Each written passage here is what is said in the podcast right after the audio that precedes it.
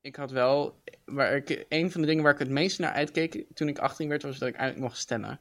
Ja, Daar had ik je, hebt, heel je hebt laatst voor het eerst gestemd natuurlijk. Ja, bij de vorige Oh. verkiezingen van afgelopen maart waren mijn eerste verkiezingen. Hoe voelde dat?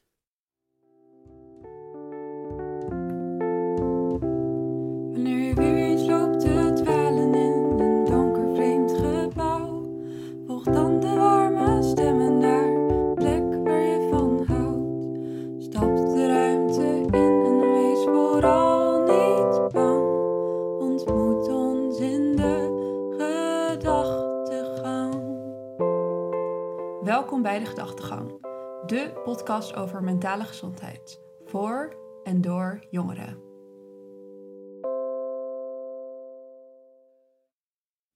Welkom allemaal en welkom terug bij een nieuwe aflevering van De Gedachtegang. Vandaag ben ik, Ilium, jullie host en ik zit hier met... Met Valerie, hallo. En vandaag gaan wij het hebben over het onderwerp volwassen worden en de verantwoordelijkheden die daarbij horen. Yes. En hoe wij ons daarbij voelen. Ja, spannend. Ik voel mezelf niet volwassen genoeg om hierover te kunnen praten, omdat ik het Nee. gevoel heb dat ik nog vijf ben mentaal. Nou, Maar ik- zo uitgebreid over hebben. yes. Eh, nou, de vraag is altijd aan het begin, wat is jouw gedachtegang? Dus hoe was jouw gedachtegang deze week? ja, wel goed denk ik. Ik heb wel echt heel druk. Dus ik merk elke keer dat ik zo met zo'n druk op mijn borst wakker word. Maar het zijn wel echt allemaal leuke dingen op zich. En ik slaap heel slecht. Mijn ritme besluit nu dat hij elk uur even vijf minuten wakker moet zijn. Te checken of ik nog leef of zo. I don't know. Maar ja, eigenlijk wel goed. Het weer doet me heel goed. Zuigt de vitamine D op. Dus eh, ja. En hoe was jouw gedachtegang, Ilim? Heel druk, heel erg vol. Eh, het is, ik, was vandaag sowieso ontzettend brak, omdat ik amper geslapen heb en gisteren de hele dag moest werken. Maar sinds ik nu eh drieënhalve week bij de Efteling werk, is het eigenlijk non-stop chaotisch geweest in mijn leven. En van hot naar her. En de hele dag alleen maar of aan het werk of in de Efteling. Of aan, eh, ja, aan, aan het werk of in de Efteling. Eh, Oh ja. En als ik niet aan het werk ben, dan ben ik in de Efteling als gast, zeg maar. Dus het is, alles is Efteling. En als het niet Efteling is, dan ben ik aan het reizen van Joey, mijn vriend, dan wel naar huis, dan wel naar hier, dan wel waar dan ook naartoe. Dus eh, ja, ik heb niet echt heel veel tijd om stil te staan bij mezelf en bij wat er nu allemaal gaande is in mijn leven. Maar ik vind het tot nu toe, de afgelopen drie weken zijn, ja, zijn zo gaaf geweest voor mij. Zijn zo'n soort vlucht geweest, zeg maar, dat het ook niet zo heel veel uitmaakt dat ik er niet echt bij stil kan staan. Want het is gewoon, ja, Ja, wel allemaal leuke gaaf. dingen, gelukkig. ja, Nice. Nou, ook lekker druk dus. yes. We hebben als actualiteit van deze week het feit dat eh, Willem Engel van de week, jullie hebben het waarschijnlijk allemaal gezien, dat die eh, voetballer Christian Eriksen heet hij volgens Ja, ik mij. vond het wel heftig, man. Hij is in elkaar gezakt tijdens eh, Denemarken-Finland volgens mij. En hij kreeg blijkbaar een hartstilstand. En dat was best heftig. Ik heb het niet live gezien, maar ik heb wel de beelden ervan teruggekeken. Nou, ik zag dus ook al veel mensen die echt zo op mijn Instagram zeiden van... Wow, ehm, prima dat het nieuws naar buiten komt. Maar maak geen foto's van iemand die op de grond ja, ligt. die half Waarom deel je dat? is. Dat is Ja. zo respectloos tegenover zijn familie ook. Nou, ik, ik zag een, een, een gedicht van eh, Rob van de Radio, dus een DJ van, eh, van 3FM. En hij had een gedichtje gemaakt over ehm, de- dat het wel allemaal prima is, maar waarom al die camera's ja. op hem staan? En dat de, de regie besluit om weg te knippen, maar daarna gelijk weer terug te komen of zo, na twee minuten. Terwijl die nog op de grond ligt gereanimeerd te worden. En dan heb ik zoiets Ja. van, ja, dat is oké, zo met de media, zo Ja. sensatiegericht soms. Dat ik aan de denk, ene kant denk ik zo van, oké, hij gaat onderuit, dus je moet wel een soort van duidelijk maken dat het menens is. Maar aan de andere kant, je hoeft niet, niet sensatie te gaan zitten maken door de hele tijd die camera bovenop hem te gaan zitten, zitten pinpointen, zeg maar. Dat ik denk van, ja, weet je. Ja, precies. Maar goed, er was dus van de week was Willem Engel, die had daarop gereageerd. En die had in een tweet op Twitter had hij gezegd van... ehm, ja, er is net een Deen in elkaar gezakt en eh, dat komt waarschijnlijk door de vaccinatie. En het, eh, het is eh, allemaal onbewezen bullshit wat ze in je lichaam spuiten. En hij heeft... eh, ja, het experiment is eh, grandioos mislukt van de, van de Ja. gezondheidszorg. ik zag het ook. En Dat is denk ik sowieso wel een onderwerp. En iedereen mag er echt zijn eigen mening over hebben. Dat, dat mag je allemaal zelf beslissen, vind ik. Maar ik vind het wel heftig dat tegenwoordig heel veel erover gaat. Ik kan nergens meer zijn of ook bij de kapper dat er altijd wel een vaccinatiediscussie. ja, En iedereen mag daar zijn eigen mening hebben. Maar ik vind het wel grappig dat het blijkbaar zo relevant is dat iedereen er heel veel mee bezig is of zo. Ik vind het vooral sneu dat hij dat hiervoor aanpakt, zeg maar. Ja, want het heeft geen connectie inderdaad. Hij, sterker nog, eh, er is, later is daar, eh, hebben ze daar even naar gekeken. Hij is niet eens gevaccineerd.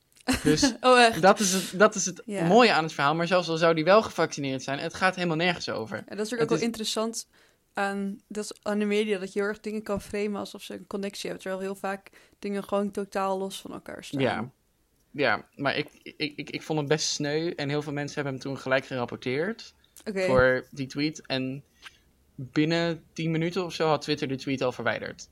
Oh, en ja. vervolgens had Willem Engel via een eh, tweede account eh, een hele bash gegooid naar Twitter. En waarom het, het hele verhaal eh, dat ze dingen weghalen en zo, dat het heel naar is. En Trump en weet ik wat allemaal. Het kwam allemaal ja, voorbij. precies. En toen had ik zoiets van: kijk, deze mensen moeten er ook zijn voor de democratie en voor de samenleving en voor de wereld, zeg maar. Maar ik vind dit wel heel ver gaan, zeg maar. Nou, ja, misinformatie vind ik gewoon niet nice. Maar op zich, Ja, laten we even in het midden per se wat wij ervan vinden. Maar ehm, ja, ik vind het wel jammer inderdaad als er connecties worden gemaakt die er niet zijn. ik Er kwam ik, trouwens net een trein voorbij, sorry als jullie het hoorden. ik, eh, ik vind het vooral, nou ja, ik denk dat het, het woord sneu het beste op zijn plek is. Ik vind het gewoon los van wat, je, wat de inhoud van je boodschap is of zo, ga je niet over mensen die net Nee, tien minuten precies. geleden in elkaar zijn ge- gezakt, je, je vaccinatieagenda pushen, zeg maar. Ja, dat zou er nog Beide kanten op niet, overigens. Ja, true. Dus ja, Nou dat, ja, eh, wel interessante gebeurtenissen weer ja. in de media. oh mijn god. En waar gaan we het over hebben vandaag, Ilim? Wil jij het introduceren? ik ga het introduceren. We gaan het vandaag hebben over volwassen worden en de verantwoordelijkheden die daarbij komen. En de eerste openingsvraag daarvoor is: hoe oud zijn wij eigenlijk? Ja, Nou, het is heel makkelijk. Ik ben 19. Ik word eh 20 over twee maanden. Dus ik eh, ben eigenlijk ook volgens de wet nog maar net volwassen sinds Ja. een jaar. Dus, je mag ook nog niet bepaalde dingen, omdat je nog geen 21 bent. Precies. Ja. Ja, ik ben 23. Ik moet eigenlijk een beetje kotsen. Ik vind het echt zo oud klinken. Ik was ook afgelopen vrijdag was ik bij een vriend van me van thuis aan het chillen. En toen kwamen er wat vrienden van hem. En de jongste was 17. En die anderen waren allemaal 19. Toen dacht ik echt, oh mijn god, Oef. ik weet niet waarom. Het was heel gezellig, maar ik dacht echt, oh mijn god, ik ben gewoon zes jaar ouder. echt, ik vond het echt verschrikkelijk. Nou ja, goed. Zeg maar, het maakt het niet uit of zo, maar ik voel me dan zo'n zo'n omaatje. Dat ik echt Mhm. denk... Maar goed, age is just a number, you know. Ja. Eh, nou ja, eh, ik ben dus 19 en daarbij hoort inderdaad dat ik net eh, volgens de wet volwassen ben, maar ik mag nog niet alles doen inderdaad, zoals dingen als huizen kopen. Volgens mij mag ik nog niet, omdat je dat pas mag vanaf 21, omdat je financieel Ja. onafhankelijk dat bent. weet ik echt niet. Weet- Vooral clubs in Berlijn mag je niet naar binnen nog. Oh. Ja, maar dat, dat werkt sowieso anders. In Amerika en in het buitenland is het sowieso ook anders. Ja, dat is waar. Dat, eh, want in Duitsland mag je bijvoorbeeld vanaf je 16e ook wel drinken, maar daar zijn andere Ja. dingen, zeg maar, Nee, precies. ook weer allemaal anders geregeld. Dus dat, dat weet ik niet. En ik weet dat je in Amerika bijvoorbeeld pas volgens de wet volwassen bent vanaf 21. Ja, wat vond jij het leukste van 18 worden? Van, van het 18 worden als in dat ik daadwerkelijk volwassen was? Ja, of... had je het idee van, oh, nu ga ik los. Nou, ja, ja en nee. Aan de ene kant wel, omdat ik het wel heel graag wilde proberen, zeg maar. Maar aan de andere kant wist ik al, ik hou niet van alcohol en zo. En Oh ja. eh, dus dat... Dus je drinkt niet helemaal. ik- nou ja, ik drink heel weinig. oh, ja. Ik drink wel eens, maar ik maar drink liever echt niet. Nou, het enige aan alcohol wat ik kan hebben zijn van die mixdrankjes van Jills en, en, en van die blue vodka troep met heel veel suiker erin, zeg maar. Of appelsieder. En dat is een soort appelsap met alcohol. En dat heeft allebei 5% of zo. Het is, ik, en dat drink ik één keer in de maand of zo. Ik drink echt amper. Eh, dus eh, ja, ik, in die zin wilde ik niet echt losgaan. Maar ehm, ik had wel waar ik, een van de dingen waar ik het meest naar uitkeek toen ik 18 werd, was dat ik eigenlijk mocht stemmen. Ja, je hebt, je laatst voor het eerst gestemd natuurlijk. Ja, bij de vorige Oh. verkiezingen van afgelopen maart waren mijn eerste verkiezingen. Hoe voelde dat? Het voelde eigenlijk heel, heel stom of zo. Ik had echt zoiets van, ik had heel lang naar dat moment uitgekeken en toen had ik zoiets van, Het enige wat ik doe is een vakje rood kleuren. En ik sta langer in de rij dan dat ik er bezig mee ben, zeg maar. Voor, langer in de rij voor het stembureau. En toen had ik zoiets van, Had je niet bij dat stembiljet de eerste keer dat ik echt dacht... Hoe de fuck moet ik dit weer terugvouwen? ja, dat is- wel. Het was zo, hij is zo Stress. gigantisch. Hij is echt gigantisch. En ik ben heel slecht met vouwen. Dus Oh ja. eh, met kaarten en zo, dat wordt altijd een verfrommeld hoopje verdriet, zeg maar, aan het Mhm. einde. Dus ik had echt zoiets van, het is me gelukt. Maar Nice, nice, nice. ik was, hetgene waar ik het meest, meest bang voor was, was dat ik zonder dat ik het door had hem misschien verkeerd invulde. Ja, snap ik. Ik had ook, ik dacht eerst namelijk dat je eerst de partij en dan een persoon moest stemmen. dus zo twee keer. Maar dan Nou, is het in- ongeldig. Eh, Grappig dat je dat zegt, want dat is in Duitsland wel hoe dat werkt ja, namelijk. zie je? Ik ben, ik ben Hofman. ik ben eh, heel ver Duits. Dus misschien zit het toch nog in mijn bloed. Ja. Nee, ja, dat, ik, maar ik, ik vond dat zo eng. Ik had echt zoiets van, kleur ik het goede vakje rood? En heb ik misschien niet v- dubbel aangekruist of zo bij de Mhm. volgende? Of wat nou als ik een foutje maak door bijvoorbeeld uit te schieten met inkleuren of zo? En Ja, zoiets van- precies. maar het is uiteindelijk allemaal goed gekomen. Maar ik heb al Chill. echt drie keer gedubbelcheckt of ik wel de goede naam had ingevuld, zeg maar. Ja, snap ik. Oh mijn god. Maar ik vond achteraf gezien, vond ik het moment wel een soort Anticlimax. Anticlimax, maar ook wel een soort plechtig of zo. Ik had Ja, wel zoiets van, nou, ik. ik. heb het ook maar eens gedaan of zo. Heb je het potloodje gehouden? Ik heb potloodje gehouden, Nice, nog nice, een keer. Dus dat, dat vond ik ook wel heel gaaf. Ja. En we hadden heel mooie gemeente West-Betuwe bij ons erin Oeh, staan. fancy. Dus ja, want eh, Joey die had in Tilburg gewoon een random rood potloodje gekregen. Maar ik had helemaal fancy van de gemeente West-Betuwe. Dus toen had ik zoiets van. Oh ja, chill. Dus ik heb wel een aandenken aan gehad. Nee, dat, dat is een van de dingen waar ik het meest naar uitkeek. Mhm, Ja. En ehm, een ander ding waar ik ook heel erg naar uitkeek, is dat ik gewoon overal bij festivals overal naar binnen mocht en zo. ja, snap ik. Want je hebt sommige festivals, daar mag je als kind wel naartoe. Maar de meeste festivals zijn alleen maar 18 jaar ouder, Lowlands en zo. Daar kom je gewoon niet in. Als je Echt? onder de 18 Wist ik Ja, daar kom je gewoon niet in. Ehm, Oh, en Appelpop had het wel. Dat is mijn favoriet festival, Appelpop in eh, Tiel elk ja, jaar. ken ik wel, ja. Ben je er wel eens geweest? Ja. nou, Appelpop had het wel. Je kon daar wel in. Maar het was niet helemaal de bedoeling, zeg maar. Oh ja, precies. En ehm, Ja, ik ben er ook al heen geweest toen ik 17 was, volgens mij. oh, ja. Je, je mag er wel op, maar het is zeg maar, ze gooien overal met bier en ze delen ook zeg maar bier uit aan het Oh ja. publiek en zo. En het is zeg maar, ze kunnen niet aan jou zien een of je beetje wel of niet. gedoogd, zeg maar. Ja. Het is volgens mij niet de bedoeling dat je daar als onder de 18 naartoe gaat, maar ze checken het niet. Zeg Ja, maar. precies. Ehm, nee, ik, ik, daar keek ik ook heel erg naar uit. Dat ik gewoon zonder moeite overal bij festivals naartoe kon en zo. Ja, snap omdat ik wel een festivalbeest was. Maar zelf qua alcohol of zo, of qua... Ik rook ook niet, dus dat, dat, ja, dat, dat soort dingen, weet je. Ik had zoiets van... Ja, true. Dat, dat, eh, alcohol dronk ik al voordat ik 18 werd, want iedereen doet dat in. Nederland. En ik drink niet zoveel en het boeit me niet. Dus ik had zoiets van, ja, weet je... eh, Nee, precies. Boeien. Ja, ik vond het wel echt chill hoor. Ik weet niet, dat ik gewoon dan mijn eigen biertje mocht kopen. En dan voor mensen die jonger waren. dacht ik, ja, zou ik voor jou ook houden dat je met 17 hè? Ja, vond ik me echt helemaal superior. Maar heb je dat ook gelijk op je verjaardag gedaan dan toen? Ehm, verjaardag, jeetje. Want mijn beste vriendin heeft dat toen een keer gedaan. oh, toen zij 18 werd, Ja, is ze gelijk gewoon alcohol gaan ik in ging wel gewoon uit op mijn verjaardag waarschijnlijk. Oh, dus dan, lijkt nu ook zeg duizend jaar geleden. Maar, maar ik weet nog wat ik echt een soort van, toen ik me echt, zeg maar nu als ik terugkijk, denk ik echt, oh my god, ze was echt een baby. Maar dat ik op mezelf mocht gaan wonen. Want ik had echt, toen ik nog thuis woonde, ging echt zo bad. Ik puurde blijkbaar heel laat of zo. Dus ik Mhm. had echt zo ziek veel ruzie met mijn ouders. Dat echt gewoon, ik zat altijd boven in mijn eentje. Ik weet nog dat mijn vader een keer zei van...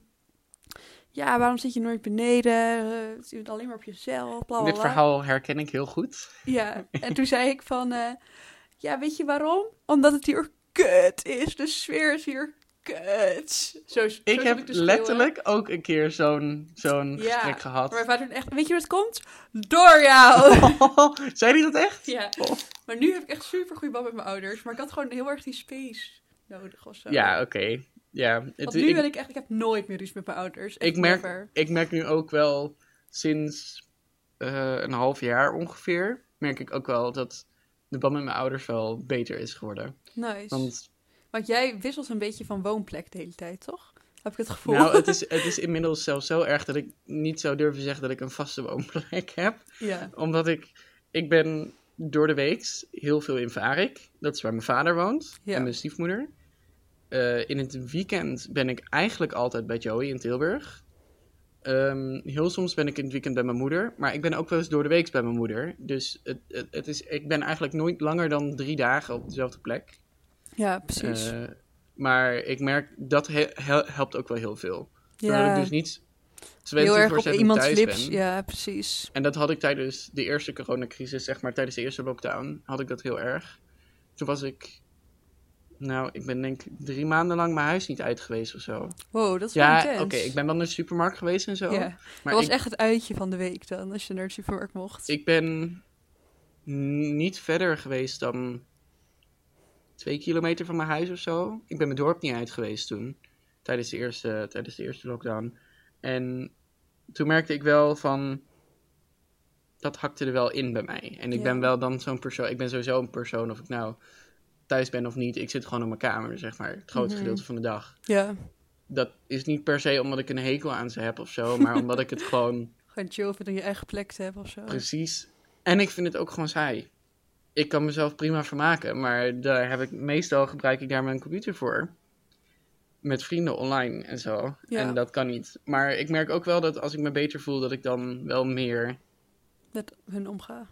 Met mijn ouders omga, zeg oh maar. ja, dat is wel logisch ook. Maar ik denk dat het ook wel, dat hoort er ook wel een beetje bij of zo. Mhm, Bij het ouder worden.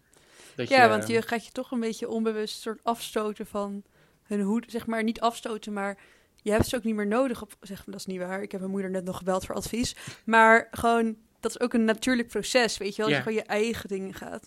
Want, ehm, nou, je zei dus altijd dat je eh, nu 19 bent, dus officieel volwassen. Maar en hoe zie je het dan dat je in welke levensfase... Ik voel me echt totaal niet volwassen. Ik, ik, ik, ik heb echt zoiets van. Het is, het is twee jaar geleden dat ik eh, elf was of zo. Zo voelt het voor mij, Ja. zeg maar. En in mijn hoofd heb ik ook echt zoiets van. Vroeger, toen ik klein was, keek ik echt op naar grote mensen en volwassen zijn als zo van. Oh my god, dat wil ik ook. ja, En precies. nu heb ik zoiets van. Ik wil dit eigenlijk helemaal niet. Ik wil ook niet weer kind zijn, want dat hoor je soms mensen ook wel zeggen. Maar dat wil Oh, ik zou ook ik wel niet. willen hoor. Maar ik wil, zeg maar, ik wil dit niet. Heel veel dingen hiervan vind ik heel naar. En ouder worden, Wat voor dingen vind je dan vooral naar? verantwoordelijkheid. Ik kan heel slecht tegen verantwoordelijkheid. Oh ja. In het algemeen, waar het ook over gaat. Omdat ik amper zelfdiscipline heb. Dus als er mensen niet achter mijn kont aanzetten, zeg maar, dan gebeurt er ook niks bij mij. Hmm. En mensen kijken je daarop aan, zeg maar. Omdat Ja. je volwassen bent. Dus is het, is het verwachtingspatroon wel dat je, dat je je ook volwassen gedraagt, zeg maar. Ja. Ehm, en daar komt ook nog eens bij dat eh, verwachtingspatronen voor volwassenen bij mannen ook nog eens heel veel toxic masculinity erin hebben zitten, Ja, zeg maar. zeker. En daar kan ik ook heel slecht tegen. Mijn vader die heeft een aantal jaar lang de catchphrase gehad. Als ik ergens niet tegen kon of als ik overstuur was, dat ik me eh, als een vent moest gedragen. Echt waar? Ja, en daar kon ik Oh mijn god. heel erg pissig van worden van die ja, dat opmerking. snap ik. Ik had echt zoiets van. Want hij is totaal niet ouderwets of zo. Mijn vader is best wel oké met moderne dingen. Maar dat was wel een van de dingen die hij heel vaak zei. En daar Ja. had ik echt zoiets van. Punt 1, dat bepaal ik zelf wel. En punt 2, jij bent niet degene die erover gaat over wat ik wel of niet aan kan. En wat wel of niet onder het zijn van een vent valt, zeg maar. ja, en is dat nu veranderd dan? Eh, ja, hij heeft dit nu al een paar jaar niet meer gezegd. En zijn mentaliteit erin is ook wel heel erg veranderd. Dat is wel hij, goed. is daar, hij is daar wel in zo van, hij, hij, hij zegt het niet, maar hij vindt het ook niet. En hij laat ook wel merken dat het zoiets is van, ja, zo, voice crack. dat het ook wel iets is zo van, ja, weet je, jij bent gewoon jij. En ik ben totaal als persoon echt niet volwassen. En ik ben ontzettend kinderachtig. En ehm, daar, dat is iets wat ik wel goed aan mezelf vind. Ik kan ontzettend Ja. goed janken, bijvoorbeeld. Oh ja. Like, dat, dat kunnen heel veel jongens van mijn leeftijd niet. Of tenminste, ja, ze kunnen het wel, maar ze doen het gewoon niet. En nee, ik ben, zeker. Het is wel gewoon goed dat je dicht bij je emoties staat.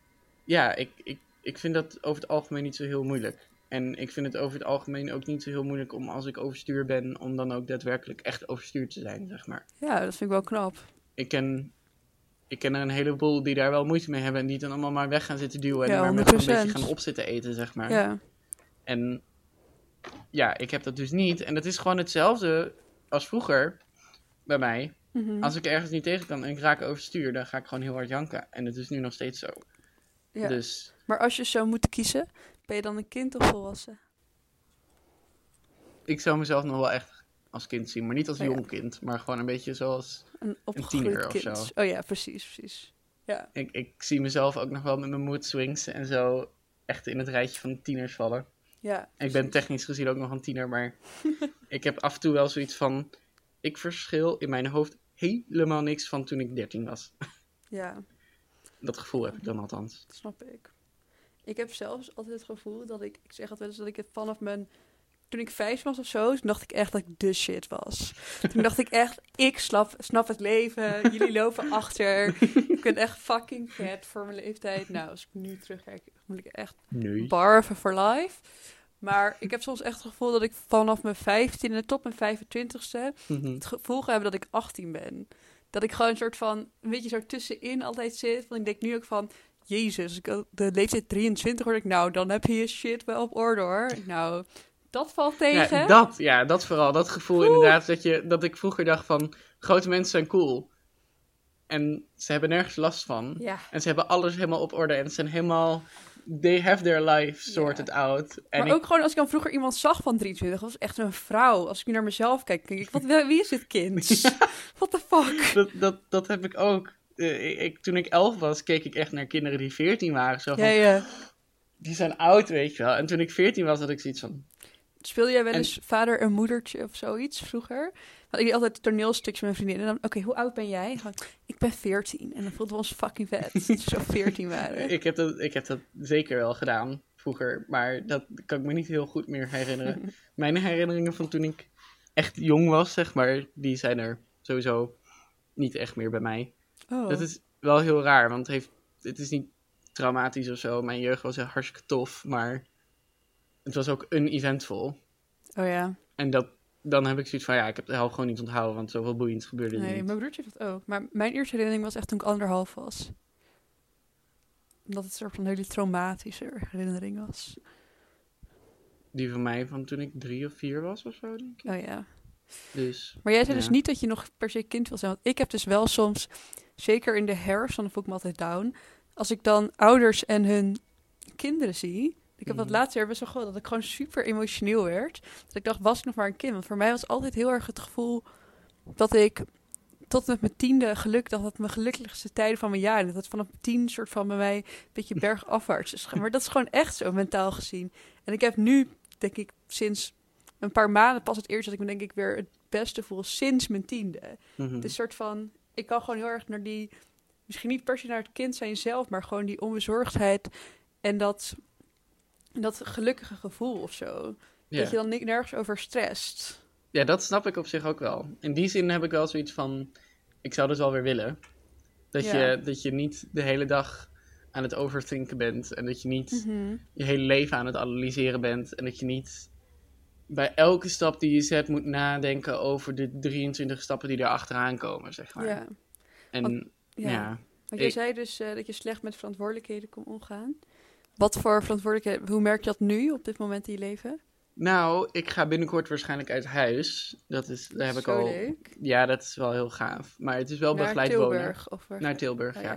Het is wel begeleid wonen, omdat ik denk dat als ik mijn eigen huishouden zou runnen, zeg maar alleen, Mhm. dat ik waarschijnlijk zou verdrinken na vier maanden. ik ben heel slecht met geld, Oh ja. dus eh, ik ben altijd blut. Ik heb in, wat was het, 7,5 maand 8.500 euro er doorheen gejaagd. Sorry? Ja, Oh mijn god. Ik zou echt hard moeten denken wat ik dat allemaal zou kopen. nou, ik moet wel zeggen, de 2000 euro daarvan zit in één ding, namelijk mijn computer. Oké, Eh, en dan nog. 1000 euro daarvan zit het in het verbouwen van mijn kamer. Dus 3000 euro van de 8.500. Oh, wat voor luipe dingen heb je met je kamer gedaan? Ik heb een heel nieuw bed. Ik heb al mijn meubels vervangen. Oh. Ga je die ook allemaal meenemen naar Tilburg wel? Ja, maar dit, dit, die, die 8.500 euro, dat is al twee jaar geleden. En ik Ah, kreeg die voor mijn 18e verjaardag namelijk. Oh, zo. Dat was mijn, eh mijn verjaardagscadeau toen. En het was op... Ik ben jarig in september. Het was op in april 2020. Oh ja. Dus ja. eh, en, Want ehm, waar word je dan nog, wat begeleid wonen, wat houdt dat precies in? Want je hebt heel verschillende vormen natuurlijk. Nou, ja, dat is een leuk verhaal. Want toen ik toen ze aan mij voorstelde om begeleid wonen te gaan doen, toen dacht ik van... Oh god, dat is zo'n woongroep waar ze het kwel bij mensen onder hun kin vandaan gaan vegen. En allemaal s'avonds samen gaan eten en zo, weet je wel. En iedereen in een rolstoel zit en iedereen het syndroom van Down heeft, zeg maar. Waar het ook natuurlijk niet niks mis mee is. Nee, er is niks mis mee, maar dat had ik. Dat, dat, toen had ik echt zoiets van: wow, dat is echt niks voor mij. Want dat, ik dacht dat dat het was. Ja, Ik dacht dat Gewoon stereotype, voor- ja, precies. stereotype dingen van uit de media, zeg maar. En toen vertelde mijn beste vriendin, Diewertje, eh, vertelde mij dat zij op kamers ging. En zij ging ook eh, begeleid wonen. Eh, in een speciale vorm. dat, een, dat het gewoon een studentenhuis was. Met begeleiding. Wat nice. Maar woont En- die begeleiding dan ook in Nee. dat huis? Oh nee. Dus die is daar gewoon een paar dagen van de week, zeg maar. En wat doen ze dan, En- zeg maar? Ehm, een beetje helpen met eh, je financiën, het gezamenlijke huishouden runnen, zeg maar. Oh ja. En eh, het op orde houden van je leven, van je school en zo, dat Oh, soort dingen. wat chill. Dus ja, en toen vertelde zij mij dat. En dus vertelde zij zo van ja, het is gewoon een normaal studentenhuis. En je hebt gewoon alle vrijheden van een studentenhuis. En het enige wat zij daar komen doen is jou helpen. En niet jou in een instelling gooien, zeg maar. Zoals Nee. ik dacht wat begeleid wonen was. Ehm, en toen had ik wel zoiets van, oh my god, dat is wel echt heel gaaf. ja. Want ik ging mijn ouders never to nooit ervan overtuigen dat ik klaar was om uit huis te gaan. Oh ja. Naar gewoon op kamer zelf, zeg maar. Dat Mhm. kan gewoon niet. Want ik weet, mijn ouders die, die kennen mij goed genoeg en die zien wat voor ramp dat is. Dus die gaan dat niet doen. Oh ja. Ehm, en toen kwam ik dus hier op dat, op dat begeleid wonen wat zij aandroeg. En toen had ik zoiets van, oh my god, dat is wel echt heel gaaf. Dus toen heb ik mij daarvoor ingeschreven. En eh, toevallig vanochtend is de mail naar de gemeente ervan uitgegaan Nice. met alle, alle info en zo die ze nodig hadden. Om de Spannend. aanmelding te voltooien. Dus dat is wel heel gaaf. Wat en ik hoop dat ik of dat het, in eh, of na de zomer daar terecht kom. Oh, wat chill. Dus dat gaat wel heel gaaf worden. Dus het helpt ook wel een beetje bij de toenemende verantwoordelijkheden. Ja, Neemt wel een soort van een beetje last weg of zo misschien. Ja, nou ja, ik vind sowieso dat eigenlijk dit, dit soort initiatieven van die, van die begeleid wonen dingen en zo voor veel meer mensen beschikbaar zouden moeten zijn. Niet Ja. alleen voor jongeren met autisme of met een beperking of iets. Nee. Maar, want ik denk dat er heel veel jongeren zijn die daar baat bij Ja, dat denk ik ook wel, ja. zouden hebben. Dus ja, Ja. ik, ik zou het heel gaaf vinden als het, als het een beetje de, de taboe daaraf gaat, zeg maar. ja, zeker. Ik wist dit ook helemaal niet, dat dit... eh, Dat het bestond. Nou, wel niet, op deze manier. Ik dacht echt wel, het zijn altijd woongroepen en zo, weet je wel. Ja, nee, dat is het dus niet. Dat dacht ik dus ook. Ja. Dus eigenlijk we moeten eigenlijk misschien nog wel een, iets met Mindjong Studio doen over begeleid wonen ja, en het taboe wat daarop hangt, Ja, zeg maar. en wel interessant. Ja, ik vind, het, ik vind het heel gaaf. Ik vind het heel gaaf dat ik daar zo op deze manier achter ben gekomen. Ja. Dat dit ook een optie is. Ja, en hoe vind je dan... Want dat is, voelt voor mij altijd als zo'n echt mega grote druk. Een soort van de keuzes die je maakt voor je toekomst. Heb je Ja. daar ook veel last van? Nou, ja en nee. Ik heb wel heel veel last van de keuzes gemaakt om te stoppen met. Of eh, ik heb wel heel veel last gehad van de keuzes die ik heb gemaakt met betrekking tot het stoppen van mijn school. Ja. Ik ben. eh, wat was het? Twee maanden geleden officieel gestopt met school, zeg maar. Ehm, het is niet helemaal waar. Ik, ik ga weer een opleiding doen na de zomer. Maar eh, school die had toen zoiets van: ja, je, je kan nu eigenlijk niks meer doen om je diploma te halen. En toen zei ik zo van: oké. mijn keuze is dan ook daadwerkelijk dat ik echt niks meer ga doen. Dus ik heb het zeg maar opgegeven. Dat is het meer. Het is niet dat ik gestopt ben met school, maar ik heb de, op, de moeite opgegeven om er nog iets Mhm. aan te gaan doen. En vorig jaar, ja, vorig schooljaar, heb ik halverwege het schooljaar ook ervoor gekozen om de helft van mijn vakkenpakket te laten vallen. En er nog een jaar langer over te doen. Ja. En daar had ik ook best wel veel last van. Ik wist wel dat het, dat het geaccepteerd zou worden, zeg maar, door de mensen om mij heen. Sowieso. Maar het zou geaccepteerd worden. Even met tussen aanhalingstekens. Dus Ja. ze zeggen dan van... Oh ja, je moet gewoon doen waar je je goed bij voelt. En wat je zelf Mhm. denkt voor je toekomst. Dat het beste is. En vervolgens hoor ik wel via via dat ze wel heel teleurgesteld zijn. In mijn keuze, zeg maar. oh, mijn ouders en mijn docenten en zo. Ja. En dan heb ik echt zoiets van ja...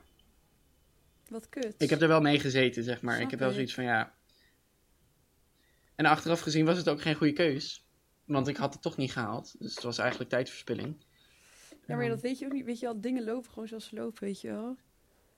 Ja, ja. Dat klopt ook wel weer. Maar Dat ja, is wel lastig natuurlijk. ik vind, het wel, ik vind het wel zonde dat zij daar zo teleurgesteld in waren, ja, dat zeg maar. En dat het zelf vooral niet het ook al, weet Durf je je te zeggen, zeg maar. Nee, dat is wel gek inderdaad. Dat, dat vond, ik wel, vond ik wel jammer. Maar ja, ehm, verder heb ik er niet zo heel veel last van. Omdat ik mijn, mijn toekomst eigenlijk wel een soort van dichtgetimmerd heb. Ja, Omdat- dan? Nou ja, omdat mijn, toek- mijn toekomst is eigenlijk één woord. Efteling. Efteling. De, Oh, gewoon ja. alles wat Efteling is, is ben ik. Dus Ja. mijn, mijn toekomstplannen voor over tien jaar is dat ik helemaal in de Efteling-wereld zit. Want ik ben nu nog gewoon junior met een nul-uren contract, zeg maar. Ja. En over tien jaar wil ik helemaal erin zijn, zeg maar. En, en nou ja, misschien denk ik daar over tien jaar heel anders over. Maar ik wil er nu nooit meer weg, in ieder geval. Wat chill. Ik ben Ik- echt zo jaloers dat je zo'n soort plan voor ogen hebt. Dat heb ik echt nooit gehad. Heb Ik- jij niet een soort onontdekte passie of zo? Ja, ik vind gewoon heel veel dingen heel erg leuk. Maar ik ben dus echt mega gestrest over de toekomst. Altijd. Want Mhm. ik kan ook heel duidelijk zien wanneer het met me ging. was in groep 8, in de zesde. En na het weinig van mijn bachelor. En nu heb ik een tussenjaar waar alles ook onduidelijk is. Dus nu zit ik echt zo, oh, what the fuck. En ik een master die ik wilde gaan doen, maar ik niet toegelaten. Dus dat vind ik ook heel kut. Mhm. En op zich, ik heb gewoon wel heel veel, ik vind gewoon heel veel dingen een soort van echt, vind film heel leuk, ik vind schrijven heel leuk, ik vind dingen met mentale gezondheid heel interessant. Maar ik heb nooit het gevoel dat ik ergens zo'n soort van mega in uitblink of zo, Mhm. weet je wel. Dat hoeft natuurlijk ook niet, maar dan, ik weet niet, ik, vind, ik heb soms wel het gevoel dat ik de perfecte keuzes moet maken om super succesvol te worden of zo. Terwijl dat is ook een soort dom begrip eigenlijk. Dat is ook wel zo, ja. Je hoeft... Je kan het ook eigenlijk eh, aanpakken als in flying by the seat of your, of your pants, zeg maar. Je kan het ook Ja. gewoon per dag bekijken. En dat is ook gewoon... Of ja, per dag is een beetje overdreven, maar ik bedoel, je, ho- plan je, hoeft niet, je hoeft niet 26 jaar vooruit te plannen. Je kan ook Nee. gewoon denken van, waar wil ik volgend jaar zijn, zeg maar. Wat wil ik dit Ja, jaar gaan true. doen? Ja. Het is, zo simpel kan het zijn. En Maar ik vind het gewoon wel, ja, ik weet niet, ik vind het gewoon een eng concept dat ik niet echt controle heb over wat er gaat gebeuren. Vind ik gewoon Ja. naar. Ja, oké, dat snap ik ook wel. Dat, dat herken ik wel. Als ik geen controle heb over wat er wel of niet gebeurt, dan ga ik zo van, dan ga ik het maar gewoon niet doen. Dat is Ja. mijn reactie. Maar ook gewoon met geldding als in een soort van. Kijk, ik heb, ben echt super verwend, want mijn ouders vertellen best wel veel qua studie voor mij. Mhm. Maar dan denk ik ook van, in, bijvoorbeeld in maart moet ik dan mijn huis uit. Nou, ik woon in Amsterdam, dus het wordt weer één grote hel om een nieuwe kamer te vinden. Ja. En ik heb media gestudeerd. Nou, ik weet niet of ik ooit een baan daarin kan krijgen. ja. Dan denk ik echt van, wat moet er van mij worden? Dus ik word, ja, weet je. Maar aan de andere kant kom je dan ook weer op je Je- pootjes terecht. Mijn ik ouders hebben zeggen, ook het komt allemaal eigenlijk dingen gedaan. Altijd maar- wel weer op zijn pootjes terecht. True, maar dan kan ik toch van, oh mijn god, stel je voor dat het niet zo is. Ja. Maar ja, dan denk ik, oké, ik heb genoeg mensen die je kunnen supporten. Ja, precies. Je hebt altijd je wel mensen waar je op terug kan vallen. Nou ja, niet iedereen heeft dat natuurlijk. Maar... Nee, dat is heel, heel fijn dat wij dat wel hebben. Dat is ook een soort privilege eigenlijk. Mhm. En hoe zie je dan bijvoorbeeld, want in de coronacrisis, nou ja, het was anderhalf jaar of zo nu. Mhm. Heeft dat nog invloed gehad op jouw ontwikkeling, soort van? Dat het anders is gegaan? Of is er in jouw leven niet per se heel veel Ik denk dat ik door corona juist een beetje sneller volwassen ben geworden. Omdat ik voor corona nog een beetje kon doen alsof ik nog kind was, zeg maar. En kon doen Oh, alsof ja. er niet zoveel aan de hand was. En gewoon een beetje zo van, oh ja, de toekomst, dat is de toekomst, weet je Mhm, wel. Ja, precies. En niet heel erg, maar ik denk dat ik door de coronacrisis wel een beetje met mijn neus op de feiten ben geduwd, zeg maar. Oké, van, grow up now, want de wereld staat in de fik. ja. En de wereld heeft je nou niet nodig of zo, maar zo voelde dat wel een beetje. Alsof ik zelf mezelf nodig had. Omdat de wereld in de fik staat, dus er is niemand anders om op terug te Hmm, vallen, zeg Wel een maar. goede life lesson of zo. Zo, zo, zo, zo voelde dat een beetje. Omdat ik ook mijn baan kwijtraakte toen. Ja. En ehm, eh, mijn school helemaal verpest heb. En mijn school daarna helemaal verpest heb. En eigenlijk alles helemaal verpest heb. Had ik zoiets van, ja, weet je, ik moet nu Mhm. ik moet nu wat, weet je wel. Ik moet Ja. nu plannen gaan maken. Ik moet ideeën gaan doen. En ehm, het, het grootste voordeel wat ik daarbij heb gehad is Joey, die daar mij heel erg bij ja. heeft geholpen. Als ik hem niet had gehad, had ik nu- ook niet bij de Efteling gewerkt. Zo simpel is het. Eh, Oh, echt Dus- mooi dat je hem hebt. dan. Dus in die zin is het wel heel gaaf dat ik daardoor een beetje soort versneld in een, in een volwassen worden fase ben gekomen. Omdat Ja. ik nu, ja, maar Zo, iemand voor even van de muur. omdat ik nu, ehm, ja, ook zo, ik ben zo weinig thuis en ik heb nu eigenlijk bijna mijn eigen leven. Ik zit niet zo heel veel meer in het leven van mijn ouders, behalve, oh ja, ik woon hier af en toe Ja, precies. door de week. Je wel erg je eigen dingen hebt opgebouwd. Ik heb heel erg mijn eigen leven opgebouwd en mijn eigen dingen, mijn eigen verhaal, zeg maar. En ik heb ook wel een beetje het gevoel dat ik wel in controle ben van mijn eigen verhaal. Mhm. Dus, Ja. ehm, zoals ze dat zo mooi zeggen in het Engels, I'm owning my narrative, zeg maar. ja, vind ik ook echt een chille uitspraak. Dus ik... Maar heb je dan niet het gevoel... Ik, heb echt, ik was 21 toen de coronacrisis begon. Ik ben nu 23. Mhm. Ik heb echt het gevoel dat er anderhalf jaar voor me is afgenomen. Dit zijn mijn prime years, Ja, weet dat je wel? ook wel. Dat ik denk, jezus, nu moest ik helemaal gek doen, uitgaan, eh, domme dingen doen. Ja, En dat kan nog steeds, maar ik denk, jezus, nu klinkt het wel een beetje triester. ja, Als ik heel Ja, veel domme dingen ga wel. doen. ja. Ik heb ook wel een beetje zo van... het wa- Het was wel de bedoeling dat dit hele leuke jaren zouden gaan worden. En het is een beetje depri, anderhalf jaar thuis zitten geworden. Ja, Dus ja, maar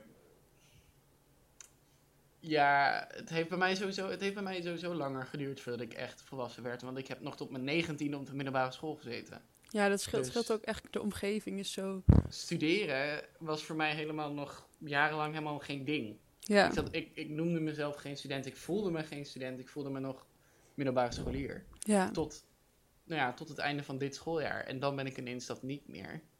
ja. En dan word ik ineens een student. En dan wordt het wel heel anders. Klopt. Ik denk ook wel echt dat je je nooit echt je leeftijd gaat voelen. Mijn opa zegt ook, die is dan 80, maar hij is nog super kwiek. Maar die zegt altijd, 80, ik kan gewoon niet geloven wat ik dacht. Maar hij zegt, ik zal me gewoon altijd op 40 blijven voelen ongeveer. En mijn moeder zegt ook van, die is dan in de 50, zegt, ja, als ik mijn leeftijd hoor, ik geloof het gewoon bijna niet. Zegt, Mm. ik denk gewoon dat je je altijd denkt van, huh, maar ik ben toch niet zo oud. Ja. Dus dat, je mag er dan misschien wel veranderen in je uiterlijk. Maar ik denk dat je qua innerlijk van een bepaalde leeftijd echt wel meevalt. Kijk, natuurlijk heb je meer ervaring, maar misschien dat we allemaal gewoon altijd een beetje kind blijven. En ik denk dat het ook gewoon iets heel positiefs is. Ja, mensen die echt oud zijn, bejaarden en zo, die eigenlijk nog gewoon heel jong zijn in hun hoofd. Ja, en ik denk ook gewoon dat het belangrijk is om dat te onthouden. Want daar heb, kan je ook weer meer empathie hebben van mensen met een andere leeftijd. Ik kan het heel Ja. slecht tegen als mensen soort van vergeten dat ze ooit jong zijn geweest. Dan denk ik, Mhm. ja. Dus eigenlijk moeten we allemaal op, zeg maar, steady opgroeien en onze verantwoordelijkheid aannemen. Maar ook gewoon af en toe een dagje kind inlassen. Gaan we gewoon allemaal naar de Efteling? Of dat is niet voor kinderen natuurlijk, per se. Nou, wel meer dan Walibi. Ja, precies. Dus gewoon lekker, eh, gewoon iets opzoeken wat je heel leuk vindt. En gewoon je verantwoordelijkheid, gewoon soms even een even loslaten. hele, even je- loslaten, even een tijdje inplannen. En dan gewoon even loslaten dat je volwassen bent. iets Nou, doen wat je echt leuk vindt. Daar is de Efteling wel een hele mooie plek Ja, voor. Want op het dus- moment dat je binnen Dit is not sponsored bij de Nee, Efteling, niet by the way. Nou ja, ik ben technisch gezien wel gesponsord. Mijn nee, leven nee, is nee, gesponsord. nee, nee, nee, nee. Ik krijg betaald. Dus, maar Ja, ik krijg maar niet ja, betaald niet om dit te zeggen. zeggen. Ik krijg niet betaald om dit te zeggen. Eh, nee, nee.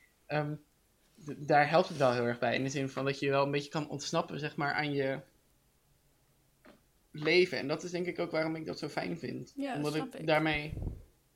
Toen ik, toen ik kind was, ben ik helemaal niet veel in de Efteling geweest. Eén keer of zo. Twee keer. Ja, En Joey die kwam er bijvoorbeeld elke week. En het voelt, dat is even een heel klein, klein dingetje, maar het voelt ook een beetje alsof ik nu alles aan het inhalen ben, zeg maar. Omdat als ik daar naartoe ga, dan voel ik me dus niet volwassen en maar dat is toch heerlijk? a part of society die hard moet zijn en zoals mijn vader dat vroeger mooi zei, een vent moet wezen, zeg maar. Maar als ik daar naartoe ga, is het echt zo van. Ik zit nog steeds in mijn hoofd met een, met een Instagram-post die ik al echt twee weken wil maken van mijn tijd in de Efteling, zeg maar. Met als caption, en dat, dat, dat om- maakt het, het verhaal heel mooi. Ik leef een sprookje. Dat is namelijk ook een beetje hoe het nu voelt voor mij, zeg Ik maar. vind dat wel een goede afsluiting van het onderwerp. Dus zoek jouw sprookje. Dus zoek wat jou weer even kind laat voelen. Ga het vooral lekker uitzoeken. En vergeet daarnaast je verantwoordelijkheden niet. Ja. Nou, af en toe mag het. Af, en toe mag je even Yes. kind voelen. Zullen wij een spelletje openhartig Yes. gaan spelen? Zal ik Yes. de eerste kaart eh, pakken? Wat is het raarste kledingstuk dat je ooit hebt gedragen? Het raarste kledingstuk? Het raarste kledingstuk, dat vind ik heel lastig. Ik denk niet dat ik mijn kleding raar zou vinden. Wel bijzonder. Ja. Dan gaan we, het is heel naar, je ontkomt er niet aan. We gaan het weer over de Efteling hebben. Oh jee. Ik heb van die pardoesloffen met van die belletjes eraan, weet je wel. Oh. Die hele grote, die rode. Die, draag je die En- ook? Die draag ik af en toe. Vroeger dra- draagde ik ze heel veel, maar tegenwoordig doe ik dat niet meer zoveel. Maar ze zijn aan zijn al drie jaar oud of zo. En mijn familie die haat mij, omdat die belletjes eraan Oh, zitten. En als ik door het huis inloop, dan hoor je... Wat tingle, verschrikkelijk om met jou te wonen. Wat nice. Ja, er is ook een reden waarom ik ze niet draag. Maar Ja, het is ik. niet per se raar. Ik vind ze niet raar, maar, het, is ik wel, vind wel een goed antwoord op de vraag. het is wel niet normaal in ieder geval. Niet heel veel mensen hebben dit en niet heel veel mensen zouden dit dragen, denk ik. Ja. Nou, bij mij is dus eh, deze week stuurde moeder daar nog een foto van. We moesten in groep 4, dus verkleed als ons idool uit de geschiedenis. En toen was ik blijkbaar al feminist en woke, want ik ging verkleed als Jeanne d'Arc. En dat is die vrouw die in de, eh, in de oorlog tegen de Engelsen in Frankrijk deed alsof ze een man was, zodat ze mee mocht vechten. Dus toen was ik verkleed als ridder. Ik dacht wel echt, oh mijn god, dit zegt zoveel over wie ik ben geworden als persoon. Maar wel echt heel Maar wanneer deed je dat?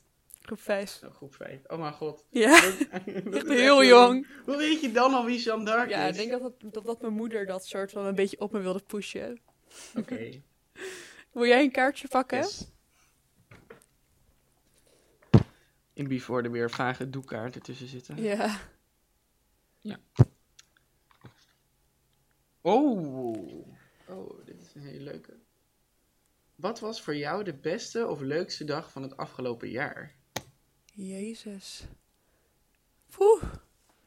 Dat vind ik wel echt lastig. Ehm, nou, ik denk eigenlijk... Ja, dat klinkt heel cliché weer. Want ik heb het er ook al over gehad in de vorige podcast. Maar ehm, ik denk eigenlijk... Ik weet niet of ik echt één specifieke dag aan kan wijzen. Maar ik denk on- ongeveer drie weken geleden of zo. Ehm, want zoals ik in de vorige podcast al zei, ben ik dus sinds kort eh, niet meer klinisch OCD. En eh, heb ik ook nog maar twee sessies bij de psycholoog. En het was echt een moment dat ik me besefte van dat ik me gewoon het allerbeste voelde sinds 13 jaar. En dat het gewoon dat ik voor het eerst durf te zeggen dat het echt heel goed met me gaat. En ik denk de dag dat ik dat uitsprak naar een vriendin van mij die moest huilen. En dat ik echt dacht, oh. En dat vond ik wel echt impact. ja, en dat vond ik gewoon zo'n mooi moment. Maar het is niet per se die hele dag, maar het is meer gewoon die gebeurtenis of Het, zo. het, het moment meer. Ja, Zo. het is gewoon dat ik me besefte dat het heel goed met me ging. En dat ook Mhm. durfde uit te spreken, denk ik. Ja. En bij jou? Eh, ik vind het ook een lastige, omdat ik ook meer de periode van dat ik nu bij de Efteling werk wil, wil aangeven. Stiekem maar- toch een Efteling-podcast geworden, Ja. dit. Ja, nee, ik had van tevoren aangedragen dat ik misschien een, een, een, een podcast over de Efteling zou Heb ik toch even gevetood. Nee. Eh, nee, ik denk... Ja, het is toch wel Efteling gerelateerd. Ik dacht dat het weer open ging en dat ik weer mocht. Oh ja. Want dit, deze afgelopen lockdown was veel langer dan de vorige. Het was nu een half jaar, het was zes maanden. En de vorige was twee maanden. En ehm, ik heb in die zes maanden, inderdaad, zoals ik al zei, mijn baan verloren. Ik ben, mijn school was gefukt, zeg maar. Ik zat best wel, best wel in een diep moment. Mhm. En naarmate het weer alweer beter werd, naarmate het weer alweer beter werd, werd het sowieso al beter in mijn hoofd. En toen ze aankondigden dat de Efteling weer open zou gaan, nou ja, ik heb staan juichen. Ook omdat ik toen al wist dat ik weer daar mocht werken, dat ik daar mocht werken, zeg maar, als het open ging. En nou ja, de dag dat, het, dat, het, dat ik voor het eerst weer ging, ik heb toen ook gepost van, het was fijn om weer thuis te zijn. En ze voelden het ook. Ja. Het- de, ja, ik denk gewoon überhaupt niet per se, dan niet per se Efteling, maar gewoon in corona gerelateerd van dat alles weer mag en dat het weer kan en dat het leven weer op gang komt en dat het zomer wordt. Daar hou ik ook Ja, van. super chill. Dus dat, dat soort dingen, dat, ja, ik denk, ik denk de afgelopen periode Ja, gewoon dat alles weer, weer Alles open ging weer en alles komt weer goed en nou ja, ja. het was fijn om weer thuis te zijn.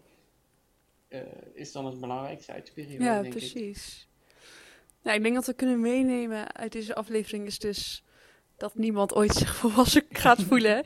dat we altijd blijven stressen over verantwoordelijkheden. Ja. Ehm, ik ben ook wel benieuwd eigenlijk naar wat eh, aan jullie luisteraars, wat jullie mooiste dag was de afgelopen week. Dus DM ons als je hierover wil praten.